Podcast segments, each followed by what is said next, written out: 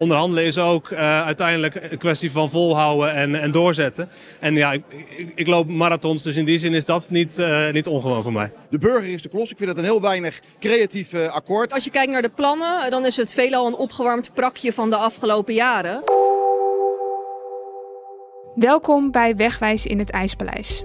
De politieke podcast van Den Haag Centraal, waarin we het hebben over de nasleep van de gemeenteraadsverkiezingen. Welkom ook in seizoen 2. We zijn weer terug na de zomer en dit is aflevering 1, Slikken of Stikken. Ik ben Mieke van Dixhoorn en we zitten voor deze extra speciale aflevering in het onderwerp van onze podcast, namelijk het IJspaleis. We beginnen maar met een klassieker. Het is nooit saai in Den Haag. Het was nagelbijten, twijfelen, roddelen en op het laatst nog even goed ruzie maken. Maar eindelijk kan de vlag uit in Den Haag, want we hebben een coalitieakkoord. Jawel, de formatie is voorbij. De onderhandelaars van D66, VVD, GroenLinks, PvdA en CDA hebben vorige week, precies zes maanden na de verkiezingen, hun plannen gepresenteerd. Met de eindstreep in zicht scheelde het niks of het hele proces had weer opnieuw gekund. De VVD had grote moeite om akkoord te gaan met de flinke lastenverzwaring die in het akkoord zit. Zij hadden immers beloofd: de lasten gaan omlaag. En dat was niet het enige moment dat de deuren knalden. Hoe ging het eraan toe tijdens de onderhandelingen en hoe gaat het nu verder nu het resultaat er ligt? Hierover ga ik het hebben met mijn gasten, de hoofdonderhandelaars van de twee grootste partijen die aan tafel zaten. Robert van Asten namens D66 en Anne Mulder van de VVD. Heren, welkom. Dankjewel Mieke. Dank je. Uh, vinden jullie het goed als we je en jij zeggen tegen elkaar? Goed man. Mooi. Ik was uh, drie weken geleden was ik even bij jullie op bezoek op de Stadsrekenrijk. En toen hoorde ik door de ruiten iemand roepen: Waar is de alcohol? dat zou zomaar kunnen, ja. Is er veel gedronken tijdens de onderhandelingen? Nee, dat viel wel mee. Ja, wel, wel liters, liters koffie. En zeker op die kwekerij, dan als zo'n zo'n koffie maar aan blijft staan op zo'n plaatje, zo'n warmhoutplaatje, dan komt er om een uur of vier smiddags als de koffie inname wat, wat afneemt, komt er ook een lucht vanaf. En dan, uh, ja, dus die, dat, dat moet ik echt even uit mijn gedachten nu zien te krijgen. Dat klinkt uh, appetijtelijk. Ja. Maar, uh, maar gedronken, dat, ja, er werd wel eens, wel eens eind van de dag, maar dan spreken we over tien uur s'avonds. Oh, nog wel eens een klein drankje gedaan. Maar eigenlijk moest iedereen alweer snel naar huis, want de dag daarna gingen we weer. We hebben echt, we hebben echt flinke lange dagen gemaakt. Lange dagen gemaakt. Wat, hoeveel uur in de week ongeveer? Op een gegeven moment waren we volgens mij bijna fulltime bezig. Met ook nog weekend Met ook erbij. Nog, en ook nog wethouderschap daarnaast. Ja. Want jullie zijn allebei ook wethouder. Ook nog, ja. Dat ging in de nachtelijke uurtjes. Ja, we, we hebben een extra dagdeel gecreëerd in de, in de nacht om je voor te bereiden als wethouder. Oh, wat knap. Ja. Dus uh, nu uh, zijn jullie vooral, hebben jullie vooral behoefte aan bed? Of dat, uh, valt dat mee? Nou, ja, nou, je, je, merkt wel dat er een soort vermoeidheid in zit.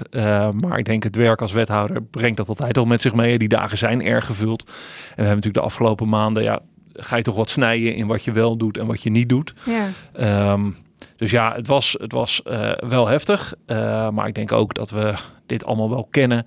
Dus we weten ook weer hoe we snel kunnen relaxen. En uh, een beetje sporten. weer een beetje tijd thuis. En dan zijn we er weer helemaal klaar voor. Kijk, gezondheidstips van de wethouders. Helemaal goed.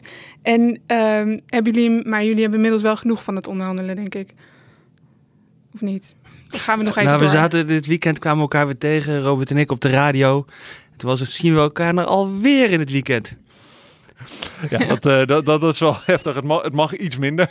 Ja. um, in de wetenschap dat we elkaar toch nog 3,5 jaar uh, vaak gaan tegenkomen, gelukkig Ja. maar.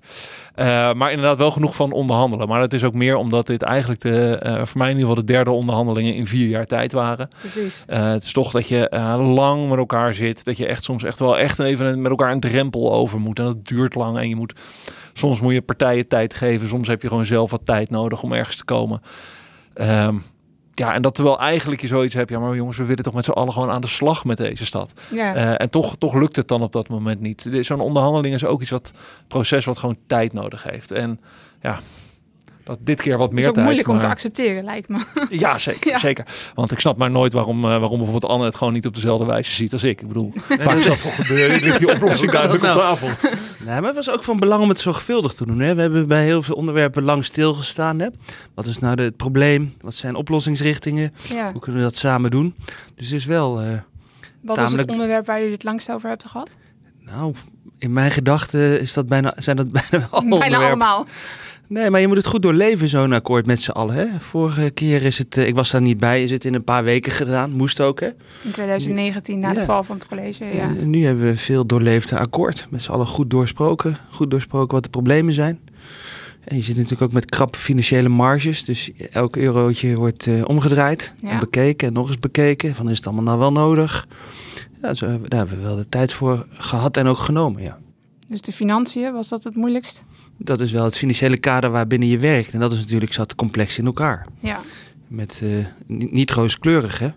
Veel eh, Excel-sheets en... eh, Ja, die hebben we wel gezien. Maar je begint natuurlijk al met een bestaand tekort. Dan komt het Rijk nog met een herverdeling waar Den Haag slecht uitspringt. Een zogeheten opschalingskorting. ja. Tekort op de bijstand, tekort op de jeugdwet. Dan heb je nog een aantal zogeheten knelpunten. Hè, die zijn incidenteel gefinancierd. Dat betekent bijvoorbeeld een veiligheidsfonds wat in de begroting staat. Als je niks doet, loopt dat, een 20, eh, of loopt dat volgend jaar af. Dus daar zul je ook iets voor moeten doen. En zo heb je dus eh, veel financiële problemen op te lossen. En omdat het zo lang duurde, ehm, kan ik me voorstellen dat de druk van buitenaf ook steeds groter werd. Had dat invloed op het proces? Ja, dat speelt, dat speelt natuurlijk mee. Want eh, je hoort van veel verschillende kanten vanuit de stad alleen al. Van waarom zijn jullie zo lang bezig? Eh, hè, dit zijn toch dezelfde vijf partijen. Eh, maar ja, dat zijn natuurlijk Je een beetje hebt al drie drogreden. samenge Ja. samengewerkt. Ja. Eh, dat betekent dat je elkaar wel kent, maar dat betekent ook dat je met elkaar weet waar de problemen van de stad liggen. Financieel, maar ook hoe gaan, we, hoe gaan we als stad nog groeien? Hè? Wat doen we nou met het CID, met de Binkhorst? Hoe maken we van Zuidwest een succes? Hoe pakken we die verduurzaming aan? Je hebt die kennis wel allemaal meegenomen uit de afgelopen jaren. En dat maakt het debat eh, en, het, en die onderhandelingen alleen nog maar nog, nog dieper. Maar ja, er zoveel dus- wethouders aan tafel zitten die weten veel te veel details eigenlijk. dat ook. Ik heb wel eens verzucht, misschien moet je die allemaal thuis laten. En dan, dan, eh, maar ja, aan de andere kant, ik denk dat, dat dit dus wel heeft bijgedragen dat er gewoon een sterke basis ligt. Aan de andere kant heb je ook nog dat eh, alle colleges in het land zijn natuurlijk gevormd. Ja, Ehm en ja dan- we zijn de laatste. ja, en dan krijg je toch een beetje het idee van ja, hebben ze zoiets van nou laten Den Haag maar lekker even links liggen, want dan kun- kunnen wij tenminste door. Eh, en dan moet je dan ook wel een inspanning verrichten om te zorgen dat eh, je als stad ook gewoon goed in het zicht blijft. Bij landelijk, bij andere G4 ehm, eh, initiatieven. Eh, ja, want die dus- denken, jullie zijn aan het onderhandelen, dus we hoeven even niet met jullie te maken te hebben. Ja, en dat kan soms natuurlijk voor andere steden heel fijn zijn als ze dan even Den Haag eh, links kunnen laten liggen. maar goed, daar hebben wij dan, omdat er dan weer zoveel wethouders bij staan, natuurlijk ook wel weer goed kunnen, eh, kunnen op acteren om dat niet te laten gebeuren. Maar die druk was er daarmee wel. En het systeem in Nederland is dan natuurlijk dat, ehm, wat je zegt, niet elke partij, of eh, de jouw partij kan niet voor 100% gelijk krijgen, want er moeten compromissen gesloten worden, moet een meerderheid komen, dus iedereen moet zijn verlies nemen.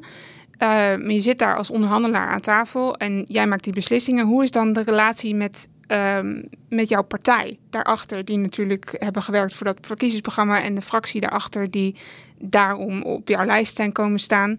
Maar die kan je natuurlijk niet, die ga je niet elke avond bellen, neem ik aan, om een, eens even een volledig verslag te geven van wat er die dag allemaal besproken is. Hoe, hoe pak je dat aan als onderhandelaar? Nou, bij de VVD zijn we dan wel ver gekomen. We hebben, ik heb eh, met mijn collega Lotte van Basten-Batenburg wel steeds onze fractie daarbij eh, betrokken. Wat zijn de thema's? Welke kant gaat het op? Wat vinden we ervan? Dat doe je ook met je partijbestuur. En doe je dat dan gewoon in een groepsapp? Of hoe, hoe doe je Nee, dat dan? Dat doe je met fractievergaderingen. En dan nodig je ook het partijbestuur bij uit, zodat die weten wat er speelt. En je, en je doet natuurlijk ook individueel met raadsleden en bestuursleden eh, En kopjes praten. koffie drinken. Ja, om, om, om steeds de partij erbij te houden. Je gaat Ja. niet zeggen, nou, tot over, eh, tot over een paar maanden, dit is het. Ja. Nee, je zorgt steeds dat... eh, dat Wat vinden jullie ervan? Ja, en natuurlijk. Gaan we de goede kant op? Ja, Eh, want je wil ook een fractie, die moet dat eh, akkoord steunen, dus die wil je er vroeg bij halen. ja. Dat ze ook precies begrijpen, wat staat erin? Ehm, eh, wat, staat, wat staat erin? Wat, wat staat er precies? Hè? Zijn dingen meervoudig uitlegbaar? Nou, dat wil je doorleven met z'n allen. Dat Ja. hebben wij volgens mij bij de VVD, eh, nou ja, denk ik goed gedaan. Ik heb er ook heel veel tijd in gestoken. En hoe, va- hoe vaak doe je dat dan voor, voor het begrip van de luisteraar? Is dat één keer per week? Is dat elke maandag fractievergaderingen. We hebben regelmatig 's ochtends vroeg vergaderd. Hè. We hebben werkende mensen. Nou, die zeggen, s'avonds lukt niet. Dus eh, s ochtends om van half acht tot een uurtje of negen. Kijk, Regelmatig met croissantjes erbij. Hè. oh, nou ja, dat maakt het dan weer wat minder erg. Koffie. Heel veel koffie. Was dat voor jou hetzelfde? we hebben niet om half acht fractievergaderingen gehad. dat dan eh, gelukkig weer niet. Wij zijn uh, begonnen eigenlijk met, oké, dit, is uh, dit is ons verkiezingsprogramma. Dit zijn voor deze 60 de meest belangrijke thema's. En wat is dan de ondergrens van waar je mee zou kunnen gaan instemmen? Ja. Um, en eigenlijk met zo'n document, wat je dan maakt van het verkiezingsprogramma, daarmee ga je de onderhandelingen in. Oké, dus jullie kregen een, een, een, een wat, ge, wat ge, wat is het woord? Gecomprimeerd. Gecomprimeerd uh, verkiezingsprogramma. Uh, Voor ja. een opdracht eigenlijk. Ja, klopt. Dus die, uh, dat spreek je met elkaar af. Want je weet van ja, we gaan niet alles binnenhalen. Je weet ook, je maakt een analyse natuurlijk van de andere partijen met wie je gaat onderhandelen. Ja. Van hè, wat, wat vinden zij van dit onderwerp? En dan weet je ook wat de bandbreedte is. En dan weet je dus ook is. waar je een beetje op moet letten. Van, en welke partijen dan voornamelijk in het oog moet houden. En wie je bondgenoten zijn tijdens zo'n onderhandeling. En voor de rest uh, bespreek je natuurlijk gewoon nog heel goed continu met de woordvoerder van de fractie of met de hele fractie van welke kant het opgaat. Of vraag je ze eigenlijk even mee te denken van eh, daar moet toch een compromis uitkomen. Die kan deels financieel zijn, die kan deels textueel zijn. Ja. Uh, van help eens meedenken. En dat zorgt er dan voor dat ook alle fractieleden zich gezien voelen in zo'n uh, in een akkoord. Uh, en vaak ook elkaar al hebben opgezocht tussen de partijen onderling. Maar goh, ja. wat vind jij? Ja. En, uh... en, dat hebben we natuurlijk de komende jaren ook nodig. Dat, dat al die fractiegenoten de coalitie goed weten te vinden.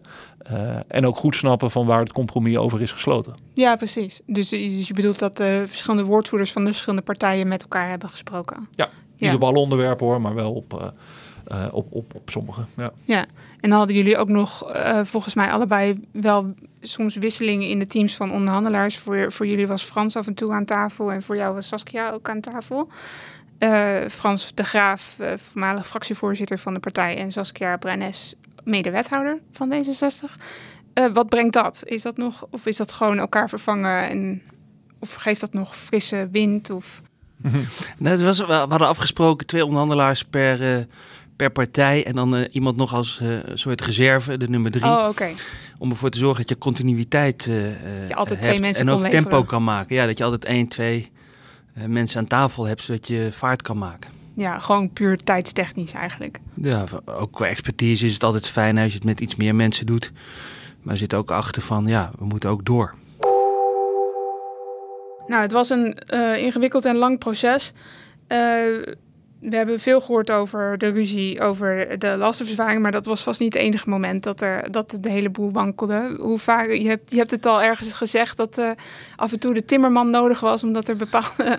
Ja, ik, ik heb gezegd dat soms de timmerman nodig zou kunnen zijn bij bepaalde acties. Ja.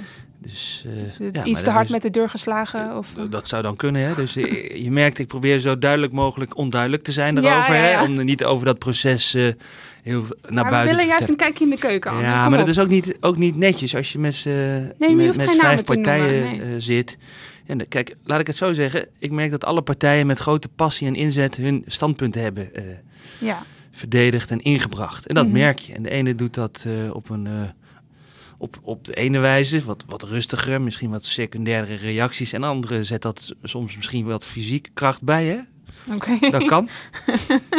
maar het gaat erom dat, dat, daar stevig, gegeven alle beperkingen die er waren, ook financieel, dat iedereen zijn punt heeft uh, gemaakt. En ik heb daar gewoon respect uh, en bewondering voor de inzet van mijn collega's. En soms moet je op uh, bij onderhandelingen. En dat is het fijne van dat we op de kwekerij zaten. Dat is natuurlijk een prachtig gebied waar je nog eventjes langs die kas kan lopen ja. en een beetje in het groen daaromheen. Je kan even afkoelen bij. Je kan even afkoelen en je, ja, je moet gewoon dat ook. En dat heeft uh, Piet Hein Donner als, uh, als, als onze begeleider. heeft het ook vaak goed aangevoeld hoor. Van dat we even gewoon even een moment moest komen van we gaan even schorsen. even een kwartiertje. Nou, tot rust komen. Want je wil ook partijen soms geven van oké, okay, wacht even, als dit het standpunt is van alle andere partijen, ja hoe sta ik er dan tegenover? En dan kan je elkaar met argumenten blijven bestoken. Dat werkt dan vaak net niet. Ja. je, dan kan je beter zeggen van nou, ga maar even een stukje lopen. En dan is er altijd de tijd dat er wat 1 tweetjes nog, uh, nog zijn. Even elkaar spreken op een, uh, wat meer informele basis. En dat werkt eigenlijk heel goed. En nogmaals, dat is die kracht van die kwekerij. Uh, dat je die ruimte daar ook hebt, zonder dat je, als je hier onderhandelt op het stadhuis, zoals we het wel op het einde hebben gedaan. Ja, weet je, als je daar even lucht nodig hebt, ja, dan sta je gelijk tussen, tussen alle ambtenaren. Ja, dat, dat wil je uh, voor jezelf niet, wil je ook niet voor het stadhuis. Dat beeld uh, nee, nee, is, nee, is, ook niet nodig. nee, dus dan gingen jullie even apart zitten met, met, met de je co-onderhandelaar of met dan een onderhandelaar van een andere partij waar je net ruzie mee had gemaakt of die juist jou snapte? Of... Ja, dat is natuurlijk heel fijn. Ik bedoel, het is een hele intense periode geweest. Met hele lange werkdagen, zoals we net al, uh, net al geconstateerd hadden. Ja, dan staat die druk staat er ook wel op. Je wilt het beste voor je partij, uh, wil je ook wel naar voren brengen. Omdat je nou ja. helemaal echt voelt, dit is het beste voor de stad. Hè. Dat is die passie waar, uh, waar Anne net over sprak. Ja, weet je, op het moment dat je dan wat vermoeider bent, dan wil je ook af en toe eventjes even, even een steuntje krijgen van een ander. Of een uh, kom op, uh, ja. uh, we gaan weer door, we moeten dit afmaken. Ja. dat hebben we ook goed met elkaar gedaan, denk ik. Ja, Anders hadden we nu niet, niet hier gestaan met een mooi akkoord in handen. En hier niet gezeten. Nee, nee. dan had ik jullie apart, apart moeten interviewen. Um, en nu mag, nu mag iedereen er een mening over hebben. Um, en dan is er natuurlijk een verschil. We hebben, je zei al, het zijn vijf partijen die staan er allemaal anders in. Die hebben allemaal een andere visie op de stad. Um, en dan heb je natuurlijk ook nog het verschil tussen middenpartijen, zoals D66 en het CDA, en wat meer de flanken van zo'n combinatie, zoals de PvdA en de VVD. Hoe is dat?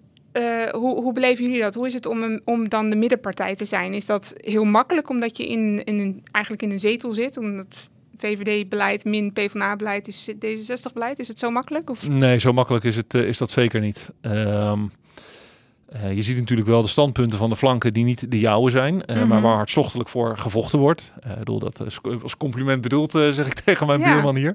Um, en dan is de vraag hoe je daar tegen verhoudt en, en hoe snel je bereid bent om naar een compromis toe te werken. Uh, dat zijn natuurlijk wel punten uh, die je als middenpartij goed, goed in de gaten moet houden.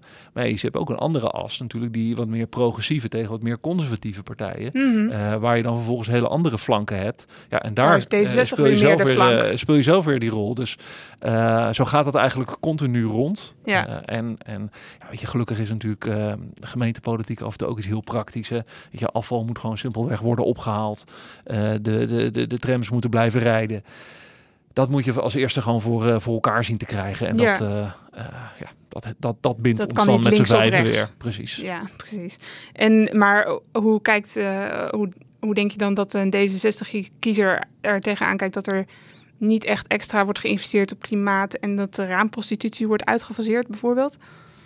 Nou, bij de raamprostitutie hebben we natuurlijk voor gekozen van ja, welke ontwikkeling zie je eigenlijk in die, uh, in die sector. Hè? Dan zie je bijvoorbeeld dat er veel meer uh, of veel vaker naar, uh, meer naar privéhuizen wordt gegaan. Dat eigenlijk dat hele raamsekswerk, dat dat toch wel een aflopende zaak is. En daar denk je van, nou ja, daar kan je dus goed bij aansluiten. Want weet je, een D66-kiezer zit helemaal niet te wachten dat, dat op, op raamprostitutie wil wel het beste voor de sekswerkers. Dat die veilig hun werk kunnen gaan doen zonder stigma daarbij. Ja. Nou, volgens mij delen we dat dan ook weer. Dus dit is nu daar een goede eerste stap op weg naartoe. En uh, volgens mij wordt er nog steeds hele scherpe doelen gesteld met het klimaatbeleid. Wat niet alleen maar moet komen van we gaan nog veel meer extra investeren. Maar ook al het geld, dus die 3 miljard die je al jaarlijks investeert, dat je die ook op een duurzame manier inzet. Uh, en daar heb ik me voor ingezet dat we dat voor D66 ook voor elkaar zouden krijgen. En ik heb het idee dat dat ook goed gelukt is. Ja, dus je, je kan het uitleggen. Ik uh, kan naar mijn D66-achterban met een ja. prachtig akkoord uh, lopen naar de ledenvergadering hoor. Daar ben ik echt trots op. Ja. En, en, en hoe is dat voor jou, Anne, als, als meer dan een, de, ja, een, een flank op een ander punt? Ja, ik heb het er wel eens over gehad met mijn collega's uh, van PvdA en GroenLinks en wij zelf. Wij zeiden, eigenlijk zijn wij de drie partijen met, met de echte uitgesproken standpunten. Hè. We hebben twee partijen zitten in het midden ja. en die hebben het wat makkelijker. Die trekken soms wel gewoon het gemiddelde van ons en dan zijn ze klaar.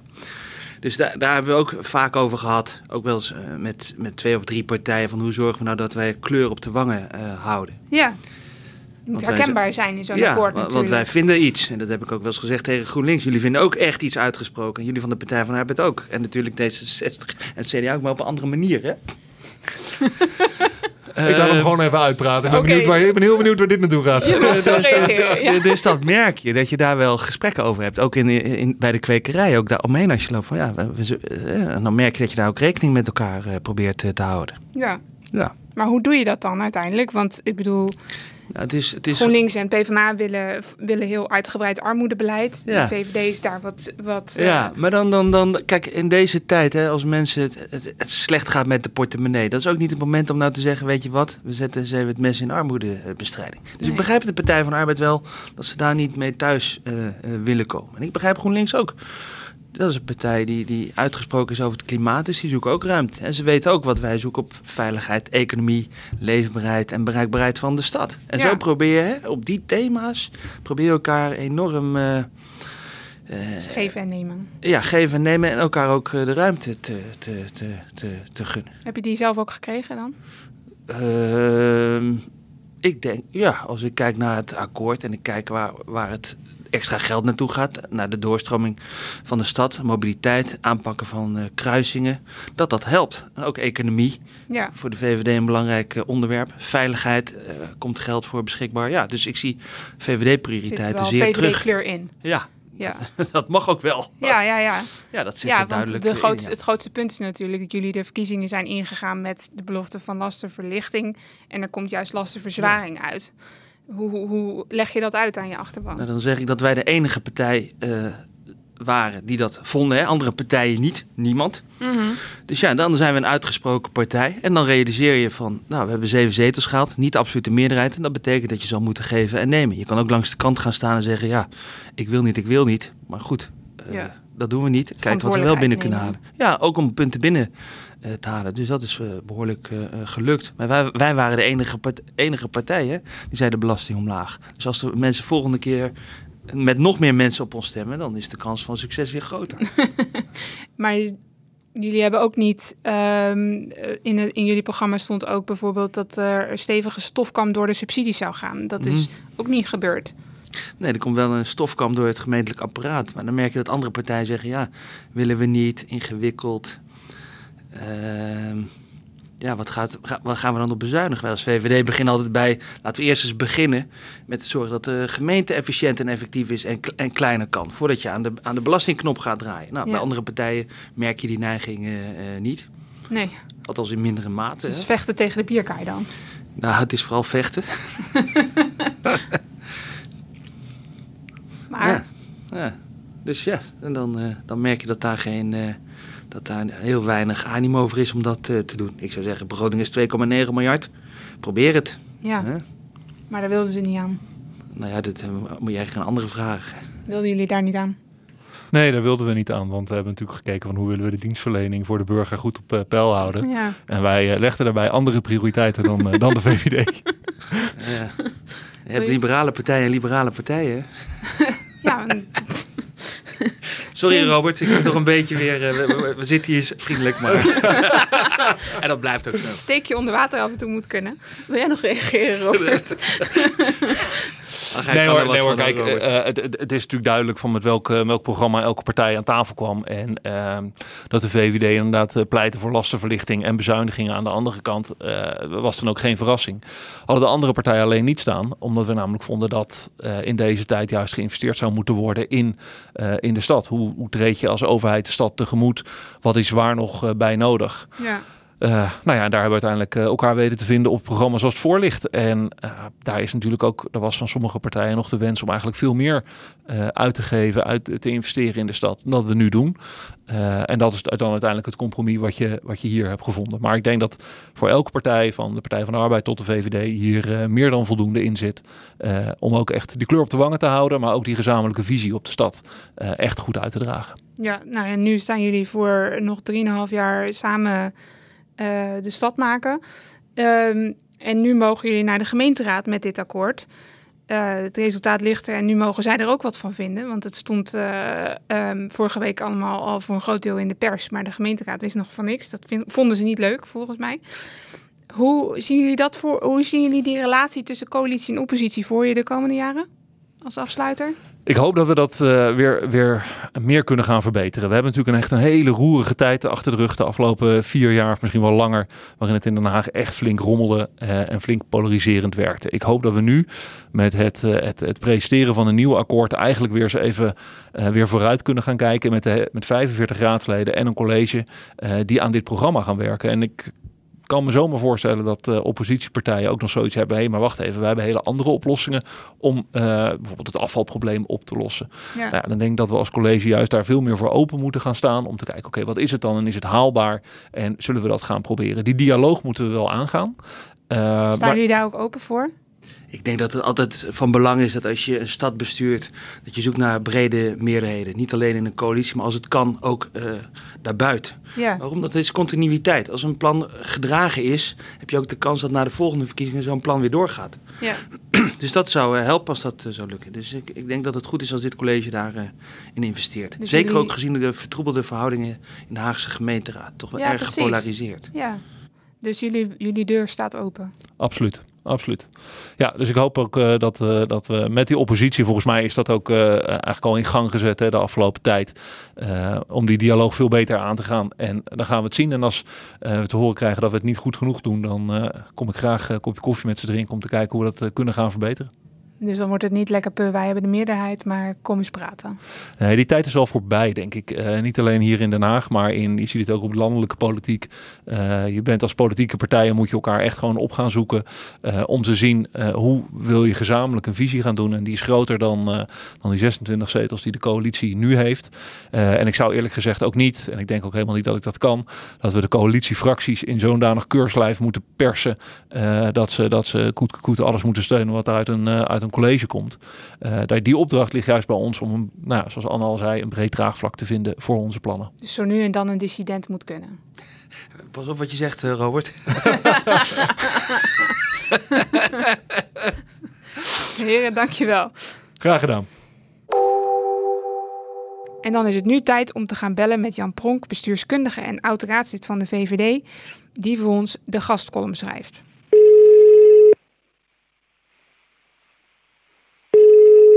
Hoi Miek, Hey Jan, lang geleden. zo is het. Seizoen 2, aflevering 1. Yes, en jij komt tot ons vanuit de duinen, begrijp ik. De Kennemerduinen bij Haarlem op een bedrijfsuitje met werk. Maar al wandelend dacht ik, laten we eens even praten over het nieuwe coalitieakkoord. Ja, want eindelijk is het er. Zes maanden na dato Ja, zijn we zover. De laatste stad van Nederland. We hebben een nieuw coalitieakkoord. diepe zucht hoor ik. Heb je het gelezen? Ja, ik heb het gelezen, ja. En wat vind je ervan? Nou, textueel viel het me niet mee. Het staat vol met eh, ambtelijke taal, jargon, dingen waarvan ik denk dat de gemiddelde burger in Den Haag denkt, wat wordt daar nou weer mee bedoeld? Accresverhoging. Dus Ja. accresverhoging. En eh, nou ja, van alles nog wat waarvan je zou kunnen zeggen... als je ambitie is om eh, de betrokkenheid van de burger bij het stadsbestuur te vergroten... dan is 96 pagina's lang ambtelijk gewauwel is eigenlijk ja, niet super toegankelijk. Geen dus dat goede is mijn start. eerste. Ja, Nee, dat is mijn eerste waarneming. terecht, terecht, oké. Ja. En de volgende? Oeh, eh, ja, wat natuurlijk heel erg in het oog springt zijn de lastenverhogingen. hè. Ja, Eh, in een tijd van eh, hoge inflatie en waarin burgers moeite hebben om maandelijks rond te komen vanwege nou, forse stijgingen in de energieprijzen, maar ook natuurlijk gewoon in de supermarkten. Bij de, bij de kassa merken we ook allemaal dat het leven veel en veel duurder wordt. Ja, in die tijd doet de gemeente Den Haag straks ook nog een flinke greep uit de portemonnee van haar inwoners. Ja. En eh, de bezuinigingen vallen relatief mee, hè? Ja, er wordt bijna niet bezuinigd, alleen op het ambtelijke apparaat. Dat vind ik dan eigenlijk ook wel een ingewikkelde eerlijk gezegd, want die zijn altijd klos. En de WMO En een beetje. Ja. Ja, maar dat loopt dan, hè, de, op het ambtelijk apparaat loopt op tot 10 miljoen. Eh, in het laatste jaar gaat het van 3 naar 9 miljoen. Dus het is een hele grote ambitie om in het laatste jaar waar te maken. En dat in een, met een coalitieakkoord waarin er ook heel veel van de gemeente wordt gevraagd om meer te doen aan armoedebeleid en dichter bij de burger en meer de stad in en de dienstverlening verbeteren. Ja, als je heel veel meer vraagt. En dat moet allemaal voor minder geld. Volgens mij hebben we ook landelijk wel gezien waar dat allemaal toe kan leiden. Dus ik vind dat niet een heel reële bezuiniging. En voor de rest wordt er niet echt bezuinigd, maar worden vooral de lasten verzwaard. We gaan veel meer OZB betalen, veel meer rioolrecht en eh, afvalstofheffing. En als je een auto hebt, dan, eh, dan eh, ben je voor het parkeren ook heel veel meer kwijt. Dus het leven wordt duurder in de stad. ja, en dan is even een open deur intrappen. Voor wie is dat het moeilijkst uit te leggen? Ja, dat, dat, dat leidt geen twijfel. De, de VVD, denk ik, heeft daar het moeilijkste verhaal naar haar kiezers toe. Ja, Die zijn de verkiezingsstrijd ingegaan met een programma wat beloofde de lasten te verlagen. In plaats van te verhogen. En om eh, ja, de tekorten van de gemeente op te lossen door flink te bezuinigen. Nou, die bezuinigingen die zijn er niet of nauwelijks gekomen. En de lasten gaan fors omhoog. Dus dat is natuurlijk toch wel een, eh, En ook al leef je natuurlijk in een, uh, in een stad waarin je compromissen moet sluiten tussen partijen links en rechts om een coalitie te vormen, is dit wel, wel fors. Nou ja, we hadden de leider van de VVD net aan tafel. Die, die zei van ja, maar we hebben wel dingen binnengehaald op economie en op doorstroming en op veiligheid. Dus de VVD heeft wel, heeft wel punten binnengehaald. Ja, ja ik, snap, ik, ik, ik snap zijn punt daarin. Uh, als je dat een beetje vergelijkt met de rest van de maatregelen, is het wel heel marginaal hoor. Op uh, veiligheid wordt 2 miljoen structureel binnengehaald. Iets meer dan 2 miljoen. Maar dat zijn we bijvoorbeeld ook kwijt aan uh, het verhuizen van een nieuw museum en nog wat andere culturele posten die zijn opgenomen in de begroting. Dus die zijn ongeveer even groot. Nou, bij economie wordt er een oude bezuiniging teruggedraaid. Waar de VVD zelf in het vorige akkoord voor heeft getekend. Ja, en bij mobiliteit is er toch ook heel veel anti-auto. Uh, heel erg gericht op, uh, op uh, de fietser en, en lopen. En staat één concrete en ook daarmee afgedekte maatregel in om de autodoorstroming te verbeteren. En dat is bij de zevensprong in de stad. Ja. Zeg maar bij de kerk van Maasbach. We kennen dat allemaal wel, die, dat, waar de zeven wegen samenkomen. Waar is het dan dus, misgegaan? Ik weet het niet. Uh, dat, dat vind ik ingewikkeld om te zeggen. Maar het, ik, ik kan in ieder geval constateren dat als je voor, voor ongeveer 50 miljoen de lasten verzwaart. En je weet aan concrete maatregelen jaarlijks een miljoen of acht binnen te halen voor punten waarvan je zegt van hé, hey, daar kan ik wat mee. Ja, dan is het resultaat mager. En wat, wat zit daarachter dan, denk je? Ja, is natuurlijk de, de partners met wie je aan tafel zit. Uh, we weten dat de Partij van de Arbeid, GroenLinks en D66 een dominant links blok zijn. Dat het. CDA als middenpartij ook niet heel uitgesproken is. En dat je als VVD het dan zonder partner alleen. aan de rechterkant sta je alleen. En dat ja. is heel erg moeilijk. En vandaar natuurlijk ook ooit de wens om met Groep de Mos een nieuwe uh, coalitie in te gaan. Maar als je die loslaat onder druk van D66 en je besluit eigenlijk dan toch ook nog te accepteren met je, dat je met de Partij van de Arbeid aan tafel moet. En je wil gewoon heel graag meebesturen. Omdat je, ja, de reden moeten mensen zelf invullen waarom ja, dan, dan moet je heel veel water bij de wijn doen. Dus ik zou zeggen, het is niet uh, statisch tegen een stootje moet kunnen, maar vooral de VVD-kiezer die tegen een stootje moet kunnen als ik dit akkoord zo lees. Al met al een matige score zou ik zeggen voor uh, de Haagse Liberalen. Duidelijk, duidelijk rapportcijfer. En we gaan, uh, we gaan er nog dieper induiken volgende week. Ik zie er naar uit. Fijn dat we weer terug zijn. Helemaal goed. Hey, veel okay. plezier daar in de duinen. Dankjewel. Groetjes. Dan wil ik iedereen heel erg bedanken voor het luisteren. Heel veel dank ook aan Stichting Luizende Pels die deze podcast mede mogelijk maakt. De column van Jan is zoals gewoonlijk te lezen op www.denhaagcentraal.net. En volgende week zijn we terug met een nieuwe aflevering, want hoewel er een akkoord is, is er nog genoeg om over te praten, want we zijn nog lang niet klaar. En ben je nou blij dat we terug zijn? Deel deze podcast dan met vrienden, collega's, familie en geef ons een mooie review. Heb je vragen of opmerkingen? Stuur het allemaal naar podcastapenstaartje. En voor meer nieuws, reportages en analyses, kijk op onze website, koop een krant of neem een abonnement.